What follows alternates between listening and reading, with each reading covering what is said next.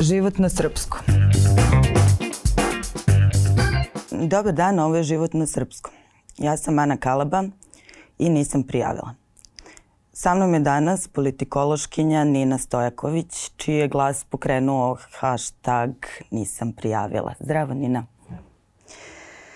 E, vola bi da krenemo od slučaja koji je uzburkao javnost i skrenuo pažnju na jedan problem koji predugo traje i e, koji je previše čest u našem društvu. I vola bih ti da nam ispričaš šta se trenutno dešava sa slučajem tvoje sestre. Pa evo za one koji ovaj, nisu ispratili od početka ovu priču, sve je počelo tako što je moja sestra u petak popodne ušla u policijsku stanicu kao žrtva nasilja, a izašla iz policijske stanice kao žrtva policije. Dakle, ona je otišla da prijavi nasilnika, čija žrtva je bila godinu i po dana. Poslednji put kada se nasilje dogodilo bilo je pre nekih meseci i po dana. Dakle, to je nekih, da kažem, 50 dana. Ona je otišla devojka to da prijavi i njoj je otprilike rečeno kako to ne može da, da se prijavi u tom trenutku. Ona nema slike, insistirali su na fotografijama uh, tih povreda kao na, na dokazu, iako je ona sve vreme govorila da ona ima svedoke, da uh, može njen psihijatar da potvrdi da on ima izveštaje. Tako da uh, čitav, čitava jedna peripetija se dogodila uh, u petak u policijskoj stanici E, kada je izašla odatle, ona je mene, mene pozvala, mislim, prosto očajna, zato što je njoj trebalo jako puno vremena da skupi hrabrost i da ode da prijavi to i onda je tamo dobila hladan tuš, a mislim zaista to niko od nas nije očekivao. Iako znam da ti problemi postoje, ali nekako uvek se nadate da ćete naći neko ko svoj posao radi savesno. I onda sam ja objavila na Twitteru njenu priču. I tako je počeo ceo ovaj talas u kom se sad nalazimo. Uh, on... Šta se sad dešava? Mislim, da. koliko, je, koliko je odjeknulo? Odjeknulo je baš puno. Ja to stvarno nisam planirala. Ja sam znala da postoji mnogo, mnogo žena koje, koje trpe ili su trpele uh, seksualno nasilje, nasilje u porodici. Uh, međutim, zaista nisam, nisam očekivala da ću pokrenuti taj talas. Niti je to uopšte bio moj motiv da, da to uradim. Ja sam bila samo jako ljuta uh, na policiju koja nije želela ništa da uradi i jedini način da izbacim to iz sebe i da neki način da upozorim druge ljude na tog dečka zato što sam imala snažan osjećaj da to nije prvi put i osjećaj mi nije prevario. Ovaj, I onda sam ja to tako napisala javno. I onda je moja drugarica Dejana, koja inače radi sa mhm. ženama, žrtvama nasilja, sećam se da je baš rekla kako se osetila onako jako licemerno jer kao radi sa njima, a, a prva nije prijavila i onda je ona rešila da, da podeli svoju priču i to je bukvalno eksplodiralo za 24 sata. To su bile hiljade, hiljade žena. Znači to je to su stravične ispovesti. Mislim, svako ko je čitao može videti ra, razne situacije od, od malena. Od, ja sam podelila svoju, svoju priču koja jeste traumatična, ali verujem da nije ni upola traumatična kao priča drugih devojaka. Koja ja, je tvoja priča? Da. Ja, ja sam bila u osnovnoj školi, ne sjećam se tačno koji je to razred bio. Tad sam živjela na Karaburmi i u autobusu broj 23 u Kneza Miloša je mene spopao manijak. Ja sam sedela skroz napred levo, znači ja sećam kako taj autobus izgleda. To su bili mali beli autobusi, kratki bilo je ono jedno mesto, ja sam sedela levo i ovaj, on se pripio uz mene i on počeo je da se dodiruje i da mi, da mi govori e, da slobodno mogu da ga diram, da to niko ne gleda. I ja sam se toliko prepala ja se uopšte nećem da li tu bilo ljudi okolo. Ja se samo sećam da sam ja nabila glavu u prozor i sačekala sam da prođe. Uh, to je bio neki, ajde da kažem, početak puberteta i odnos sa roditeljima kada uđete u pubertet nikome nije baš sjajan zato što hormoni luduju i ja to potpuno razumem. I ne znam, možda sam ja u tom momentu bila u nekom lošem odnosu sa, sa roditeljima, ali ono što, zbog čega ja njima to nisam rekla je zato što sam mislila da, da će mi se svi smejati i da će reći da ja umišljam. Drugo, mi nikada pre toga recimo nismo razgovarali o, o seksu. I onda sam se brinula da pitaće me a kako ti znaš šta je on radio i, i, i tako to. Mislim, to je ono o čemu ja stalno pričam. Deca nisu glupa, ja sam vrlo dobro znala šta on radi, ali sam prosto... I da to nije okej. Okay. I znala i... sam, da to, znala sam da to nije u redu, ali prosto to je jedna od onih, mislila sam da mi neće verovati je to stvarno bilo tako kako je bilo. Ja sam to kasnije potisnula ovaj, i ja to sad kada je krenuo ceo, ceo ovaj talas podela sam i ja svoju priču. Tako da, mislim, takvih slučajeva ima zaista mnogo i to je, to je, to je užasno da se to E, dešava svaki dan ovaj, u našoj zemlji, na svakom koraku. Mislim, ja prosto mislim da pod hitno mora da se nađe neki mehanizam kako te, te probleme rešiti. Da. E, sad kad si pomenula Dejanu, gledala sam neko njeno gostovanje gde je baš pričala o, e, o tom neverovatno velikom broju odgovora na, na e, celu priču. To su desetine hiljada iskustava koja su traumatična na ovaj ili onaj način i ona je negde svaka druga žena. Ja, meni se čini da je bukvalno svaka žena imala neko takvo iskustvo. Mislim, ja u, u mom slučaju uh, bar pet mogu da ti navedem i to po, po težini trauma. Ne toliko precizni. Uh, ali opet e, podaci različitih istraživanja koji govore, na primjer, da u Srbiji je uh, svaka žena uh, starija od 15 godina, pardon, svaka druga žena starija od 15 godina bila žrtva nekog oblika nekog oblika nasilja. I tako da ti podaci mogu da budu samo, samo gori, zato što čak i kada se ta istraživanja rade, neke žene ni tada ne smeju da, da priznaju, da proživljavaju to što proživljavaju. Da, a kad priznaju šta se desi?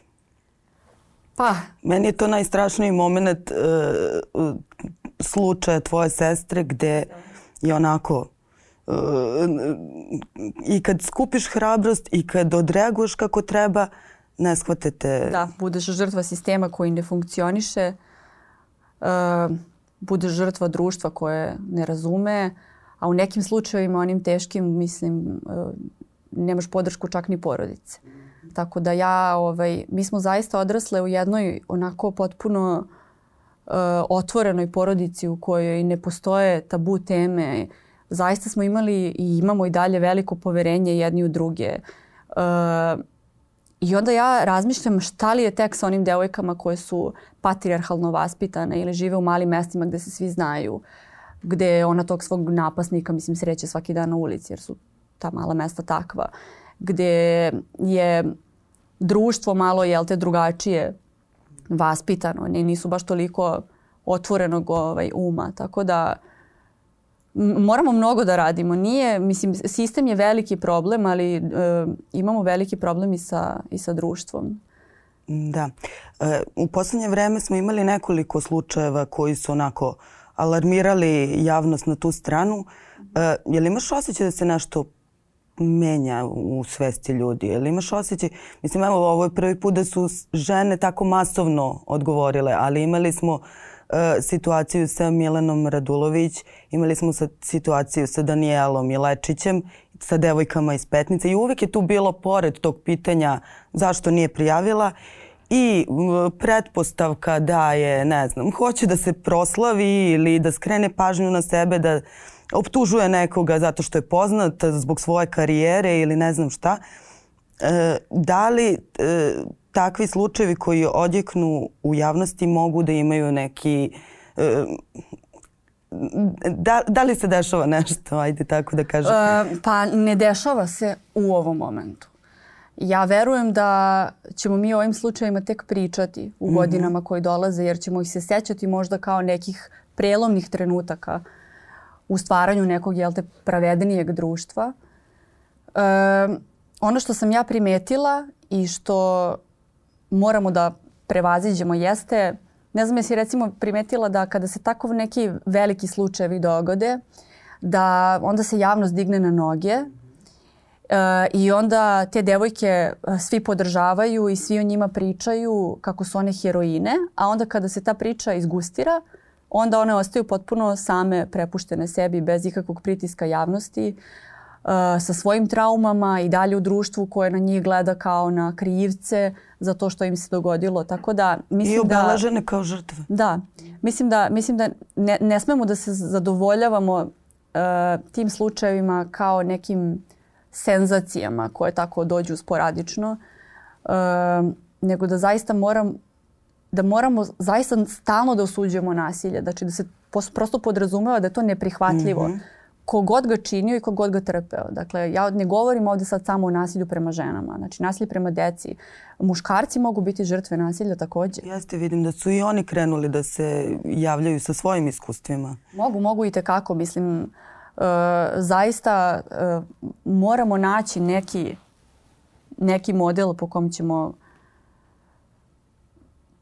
po kom nećemo prihvatati nasilje, makar ono bilo vršeno prema nekome sa kim se mi ne slažemo ni u čemu i nekog koga mi ne volimo.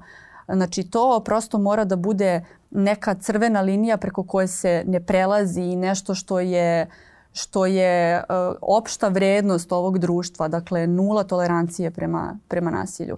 A šta misliš da je rešenje? Kojim putem uh, treba ići da bi se ta, to postiglo?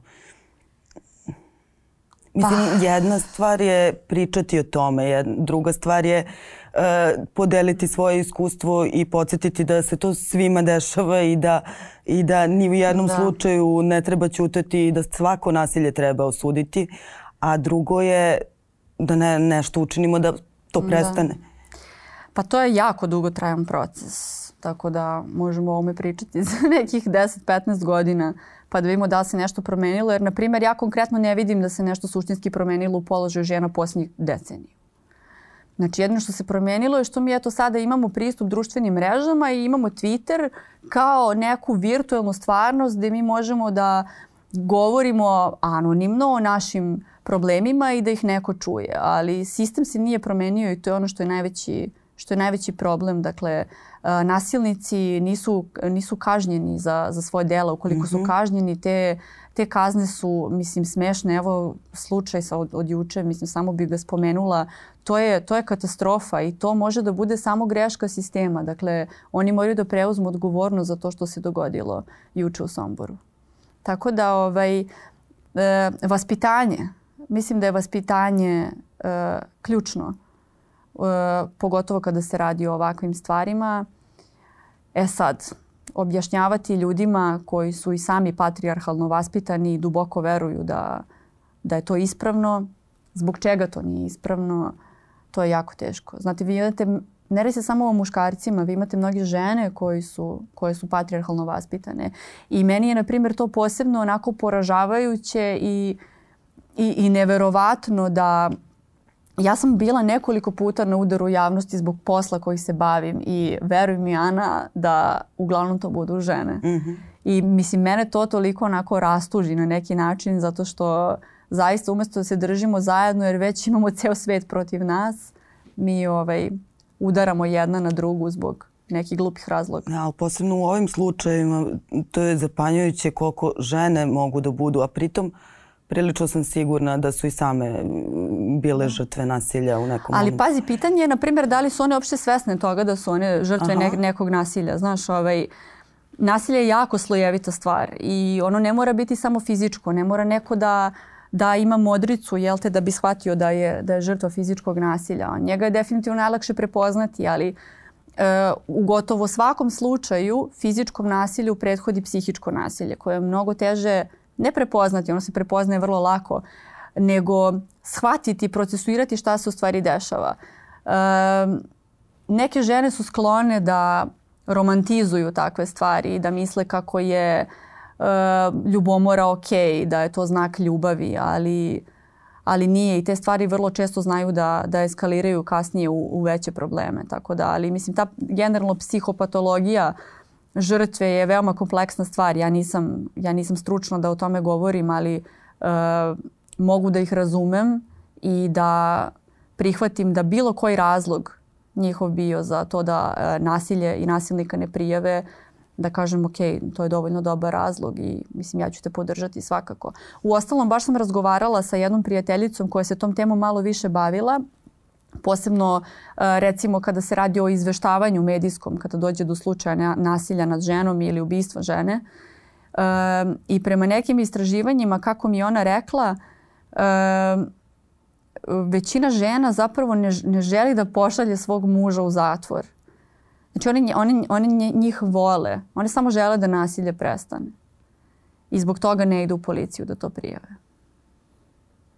Mislim, koliko god meni zvučalo, neverovatno to se dešava. I ako imamo preko 20.000 žena koje su podelile svoje priče, onda ovaj, ne ostaje ništa drugo nego da im, da im verujemo, jer nemoguće je da 20.000 žena laže. Da, i to su neke prilično strašne priče, neke e, nisu samo u tom pravcu, nego mislim da je baš Dejana ili si možda čak i ti podvukla je jednu od njih da je žena stavila nisam prijavila zato što sam korisnija svojoj deci živa ili tako ne. Zato što živam još i mogu da pomognem svojoj deci. Pa evo, vi, evo slučaj iz Sombora. Vratit ćemo se na to. Dakle, čovek je bio u zatvoru zbog nasilja u porodici. Prošle nedelje je pušten iz zatvora, došao je kuću, ubio je ženu i, i čerke. I sad dolazimo do situacije kada naravno se tabloidi bave tim slučajem i uh, to su jel te, slike žrtava, uh, njihovo kretanje, njihovo oblačenje, šta kažu komšije i tako dalje. Uh, taj čovek je uh, ženu ubio nožem, a čerke bombom. Mene zanima da li se i jedan medij bavio time odakle tom čoveku bomba. Umesto da smo odmah krenuli da preispitujemo kakve su bile te čerke. Mm -hmm. Jer to na kraju krajeva nije bitno. Da. Kod nas odnos medija prema takvim situacijama već dugo onako uh, škripi, da kažem. I pa da, pravi pa više štete slučaj, nego... Slučaj Daniele Steinfeld, devojci je bilo obećano. Uh, obećano je bila diskrecija u slučaju koji je prijavljivalo u tužilaštvu. Sutradan su svi tabloidi to imali na naslovnim stranama. Dakle, tužilaštvo direktno radi sa, sa tabloidima. Mislim, te stvari ne smeju da se događaju. Ja ovaj, ne mogu da shvatim da neko ne vidi da je to pogrešno.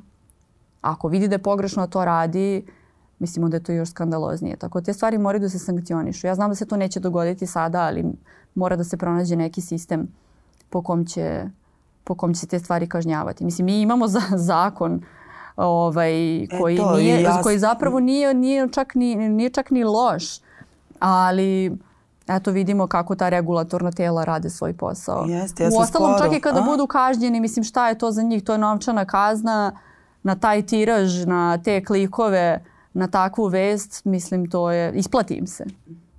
Isplatim se. Tragedija, da. Da.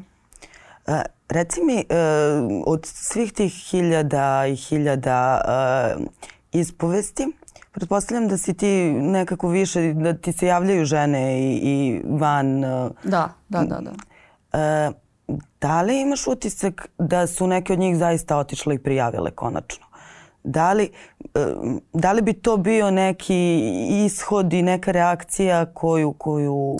A, mislim da u ovom slučaju nisu, zato što sam ipak ja, jel te, iskritikovala uh, tu mm -hmm. policijsku praksu, tako da ne verujem da su mogle time da budu sada trenutno inspirisane. Aha. Da, ali ovaj, evo reći ću na primjer da mi se javila devojka koju poznajem i uh, koja mi se zahvalila zbog toga što je njena mlađa sestra rekla roditeljima da čini mi se da mi rekla nastavnik u školi da je, da je, bio, neki, da je bio neki problem. Mislim, Poenta recimo sa svim tim slučajevima, uh, većina njih se desila jako davno i većina njih ne bi imala nikakvu šansu na sudu. Ali ukoliko je taj hashtag i uh, ceo taj talas koji je nastao iz priče o moje sestri, bilo kome pomogao da započne proces o izlečenja tako što će napokon reći ili priznati i sebi i drugima da ja sam bila žrtva nasilja. Mislim onda je tu onaj, mo, moja misija uh, moja misija uspela. Meni nije drago što ima toliko žena koje se javljaju i meni te priče, mislim, meni, meni ne imponuje i ja kažem ponovo, ja bih najviše volila da ne moram da se bavim ovom temom, to je apropo ove priče malo pre što si spomenula kako uvijek postoje komentari da neko želi da postane poznat mm -hmm. na konto tih priča. Mislim, ja zaista ne znam u kom univerzumu žive ti ljudi i kako je njihove poimanje sveta ako oni misle da i jedna žena ili bilo ko na ovom svetu želi da postane poznat tako što će reći da je, da je, da je bio žrtva. Ja sam pričala kada je bio slučaj uh, Milene Radulović sa čovekom koji je, čini mi se, inspektor, ne mogu da setim tačno, ali uglavnom ovaj, on je meni rekao da on radi decenijama u, u policiji i da se skoro nikada ako ne i nikada nije dogodilo da neka žena izađe u javnost a, a da je slagala da je, da je bila žrtva mm -hmm. seksualnog nasilja. Pa zato što je, da, e, ona sama sa sobom mora da, da ja mislim, se izbori mislim, sve, prvo. Mislim da smo sve mi mhm. ovde svesne etikete žrtve mm -hmm. o kojoj si ti pričala i uh, da nijedna ne bi to uradila iz tih pobuda. Prosto preskupa je cena Jest za to što ćeš možda dobiti mislim, neki, neki publicitet na konto toga, ali ne znam, očigledno se ovde ženama ne veruje. Ja stvarno ne znam zbog čega i od kad. Ovaj, I ne mislim da su žene počele sada da se, da se tek otvaraju. Ja mislim da žene već jako dugo pričaju o svojim problemima, samo nažalost nema ko da ih čuje. Nekako ovaj, institucije ih učutkuju eto kako je prošla, kako je prošla moja sestra. O, tako da, mislim ja stalno spominjem moju sestru, ali ona je ovde u stvari samo jedna od njih. One su da. prošle, one su prošle, te žene koje su prijavljivale su prošle isto kroz što je prošla ona. I sad na kraju krajeva, ok, meni lično zbog zato što je to moja sestra, meni je to jako važno, ali isto toliko su mi važne i sve te druge devojke, zato što će to sutra možda biti ja, mislim, to se nikada ne zna. I sačekat će me ista situacija u, u policijskoj stanici. Tako da ovaj, možda si pratila recimo koliko se sad koliko je kompleksno sve ovo što se dogodilo zbog toga što su oni napravili očigledan propust. Mislim, ne propust, to je bila namerna greška. I, ovaj, I na kraju sad u ovom celom slučaju sve se svodi na taj neki rat sa opštenjima između mene i MUPA. Ali to je totalno pogrešna, Mislim, pogrešna ja, ja, meni stvarno nije jasno šta oni rade. Evo, oni su, juče su izdali treće saopštenje gde me ponovo demantuju i oni su se tek u trećem saopštenju setili da naglase šta je njihova uloga u ovom društvu. Znači oni su prva dva saopštenja bukvalno ratovali sa mnom, u trećem su napisali da mi, eto, mi treba da štitimo organi reda ovo ono. Mislim, to je zaista onako A šta se dešava? Je li se desilo nešto konkretno? Jesu probali da isprave grešku? Pa probali su da je isprave. Da, Lidija je dobila poziv za, za neki, sad, da li je to neformalni razgovor ili je neko saslušanje, davanje izjave u tužilaštvu, ovaj, ne znam. E, tako da vidjet ćemo šta će biti sa time. Mislim, idu praznici, tako da verujem da neće sad to biti ništa po hitnom postupku nije ni važno da bude po hitnom postupku. Dakle, nama je samo važno da mi na kraju vidimo ishod toga. Tako da, mislim, ja sam, ovaj, ja sam mnogo pričala sa njom. Ona je, ovaj, ona je spremna, ona je taj prvi sram probila i sada nema nazad. Taj prvi korak je verovatno najteži. Ne znam, ali je verovatno najteži kad vi morate da priznate svojoj porodici, znate, ovaj, To, Ona to, nikad to, s tobom nije pričala ne. ranije o tome? Nije? Ne, ne, ne. Znači, ni, ni, e, ni sa mnom, ni, ni sa roditeljima. Bilo je tu njoj bliskih osoba koje su u poslednje vreme za to znale. Ovaj, tako da nije, mislim, e, nisam roditelj, ali mogu da, da shvatim koliko je recimo našim roditeljima trenutno teško zato što je prosto prirodno da vi počinjete da preispitujete ono, prošlost i da li ste možda nešto mogli da uradite, da li vam je nešto promaklo. I mislim da stvarno ne treba u ovim situacijama, ja se trudim da ne krivim sebe zbog toga što to nisam primetila jer javljaju se ljudi pa pitaju pa kako je ona mogla da sakrije modrice? Pa mislim je mogla da sakrije modrice, to je devojka od 25 godina, mislim to nije dete koje ti kupaš pa vidiš da ima neku masnicu na leđima, na primer, mislim ne mora uopšte bude ni masnica ni na leđima, ali ovaj, uh, žrtve koje žele da sakriju da su žrtve, one to veoma uspešno rade. One su naučile to da rade zato što to nije jednom, znači one to proživljavaju iz dana u dan i bukvalno naučene su kako da, kako da izblefiraju. Pogotovo ona recimo koja inače je jako slaba, jako slaba psihički, ona još od, još od puberteta uh, pati od depresije, ona čak i pije devojka terapiju za to i onda u tim nekim situacijama smo mi mislili da pripisivali smo to njenom stanju. Znači još je bilo teže u stvari ovaj, tako prepoznati. Nešto. Tako da, ali nema veze. Bitno je da ona na kraju rekla i da je izašla živa iz cele te priče. Tako da vidjet ćemo sad šta će dalje biti. Da.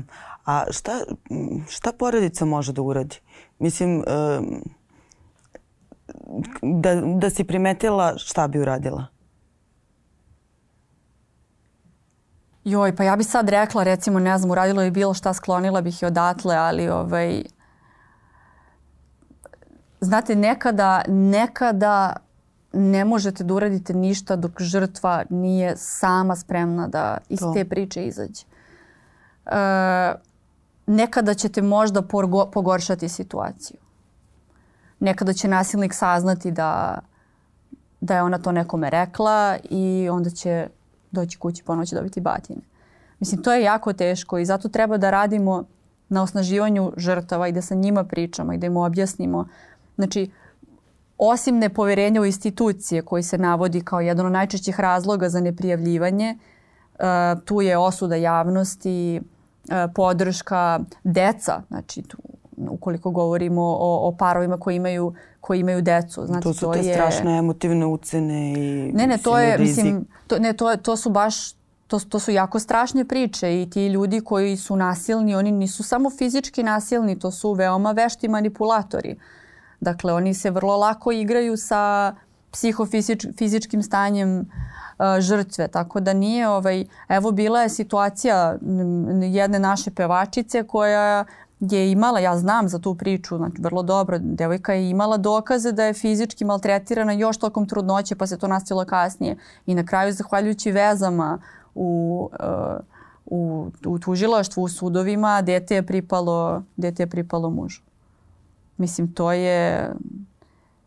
Znaš, nisam sigurna da bi baš svaka majka rizikovala da izgubi svoje mm -hmm. dete i starateljstvo nad detetom možda, možda to ide dotle da bi čak radije trpela batine nego, nego ne videla više svoje, svoje dete. Mislim, to je, jako su teške te priče i ja, ja evo prvi put sam počela ovom temom na ovaj način, jel te, preko medija i, i svakodnevno da se bavim u petak. Ovaj, I meni je već dosta svega jako je teško uopšte o tome pričati, a kamoli, mislim, ne mogu šta zamislim kako je, kako je tim ženama koje kroz to prolaze. I sad, evo, recimo, ako govorimo o tome kako je meni teško dok o ovome pričam, a nisam bila žrtva nasilja. Znači, kako će onda biti tim devojkama i ženama koje će tu istu priču morati da ispričaju još 200 puta?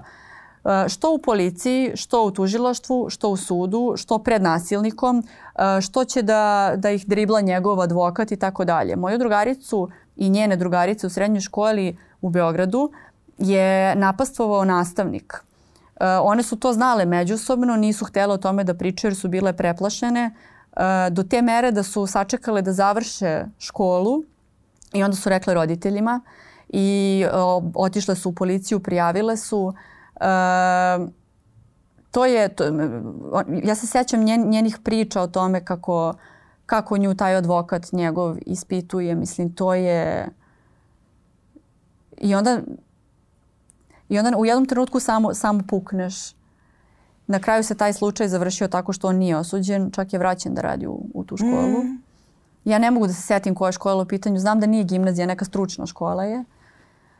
Ovaj, i, i, I to je, to je strašno. Dakle, mi moramo da mi moramo da naučimo te devojčice i dečake da uh, kada ih nešto alarmira, znači kada nešto nije u redu, da to odmah kažu. Ne zato što je to važno meni da oni kažu odmah, nego zato što je institucijama važno da bi mogli nešto da, da, da preduzmu. Tako da... A, reci mi koji su sledeći koraci? S obzirom da se sad priča podigla na jedan ozbiljan nivo. Mm -hmm. Šta dalje planiraš? Pa uh, ja sam otvorila jednu Facebook grupu koja se zove Nisam prijavila. Ona je trenutno otvorena. i mislim da će sutra biti, da će sutra biti zatvorena. E, naravno primat ćemo nove članove, samo što ovaj, ćemo voditi računa koga primamo i ona će služiti za eto, komunikaciju između žena i možda ne samo žena, vidjet ćemo još uvijek u kom smjeru će se to kretati, e, gdje će oni one moći da e, razmenjuju neka iskustva ili e, neke savete ili u krajnjem slučaju ukoliko je nekome potrebna bilo kakva pomoć. E, takođe e, se javila jedna jako dobra ideja da napravimo e, jednu zajednicu na Viberu gde će žene takođe moći da, da komuniciraju i u krajnjem slučaju mislim Mislim da je ta ideja generalno sa Viberom i uopšte društvenim mrežama i grupama jako dobra zato što je, e, tu su tragovi, znači to, to će ostati u slučaju, ne daj Bože da se nešto desi, uvek će se videti dakle da, mislim nijedna žena neće radi zabave biti u takvim grupama. Tako da možda će ona moći da pomogne i na taj način u prikupljanju dokaza neke kasnije. Možda će se tu naći neke ispovesti. Mnogo žena, ovaj, mnogo žena piše uh, um, o, pošto je grupa otvorena, neke od njih su već krenule da dele neka iskustva onako javno, ali ima dosta njih koje nisu spremne na to, pa onda šalju poruke i manje više to, je, to, je, to, su, to su iste priče. Dakle, ni, nisu bile zaštićene od strane sistema, trpele su nasilje i ostale su bez, bez pravde i vrlo često bez podrške okoline, što je, što je posebno teško da vam u tim situacijama neko okrne leđa ili da vam ne veruje. Tako da eto, moja sestra ima sreću što zaista svi, svi smo uz nju i svi joj verujemo. Prosto mislim znamo ko i šta je ona. Tako da nadam se da, da će se brzo oporaviti od ovog. Da, i ja se nadam. Hvala ti Nina. Hvala tebi ove, što se baviš ovom temom, tako da nadam se da ćemo recimo sledeće godine u ovo vreme imati neki malo ozbiljniji povod da o ovome pričamo, da ćemo uspeti da napravimo neku, neku promenu u sistemu. Da, pa ja mislim da, mislim da će tim ženama lakše biti da komuniciraju sa nekim ko koga možda ne poznaju, a proživljava Jeste, slično. Često, če, nego... često, često je lakše zapravo uh, se poveriti ne, neznancu. Mislim, ja razumem zbog čega je to, zato što njegova osuda vas neće boleti, nećete shvatati lično. Tako da, mislim, ukoliko je nekom eto potreban virtualni prijatelj ili bukvalno mesto gde će da po, samo da pošalje poruku pa makar nikada ne dobila odgovor, ali kao napokon da izbaci to iz mhm. sebe. Ovaj, mislim, dođite, dođite u grupu. Vidjet ćemo, ovo je sad tek počelo, mi smo se e, na neki način umrežili sa ženama iz Hrvatske One su, one su uspele da izdaju svoju izmenu, izmenu zakona. E, inicijativa se zove Spasi me. E, mene je sinoć zvala Jelena Veljača i e, imamo neki dogovor da ćemo održati neki sastanak u, u, u bliskoj budućnosti čim nama budu prošli praznici. E, tako da od njih zaista imamo puno da naučimo. One su zaista bile, bile jako hrabre i jako rešene u toj svojoj borbi. Tako da Uh, nadam se da ćemo pokupiti neka eto, dobra iskustva iz regiona pa možda motivisati žene uh, iz drugih zemalja u, da. u, u regiji zato što ovo nije problem koji je vezan samo za Srbiju. Generalno mentalitet naših naroda je dosta sličan bilo da su oni iz Srbije, Hrvatske, iz Bosne ili iz Crne Gore. Manje više to to, mislim, to su generacije koje su odrastale zajedno i vaspitavane su na isti način, tako da eto, nadam se da ćemo uspeti da, da, da, da, da ovo sve da neki rezultat. Ja ne bih voljela da ovo tek tako prestane da bude jedna od tih senzacija o kojima sam pričala, nego da zaista eto, za deset godina kada se budemo okrenuli da ćemo spomenuti ovaj slučaj kao nešto što je bila inicijalna, inicijalna kapisla da do neke promene dođe. Tako je. Hvala Nina. Hvala.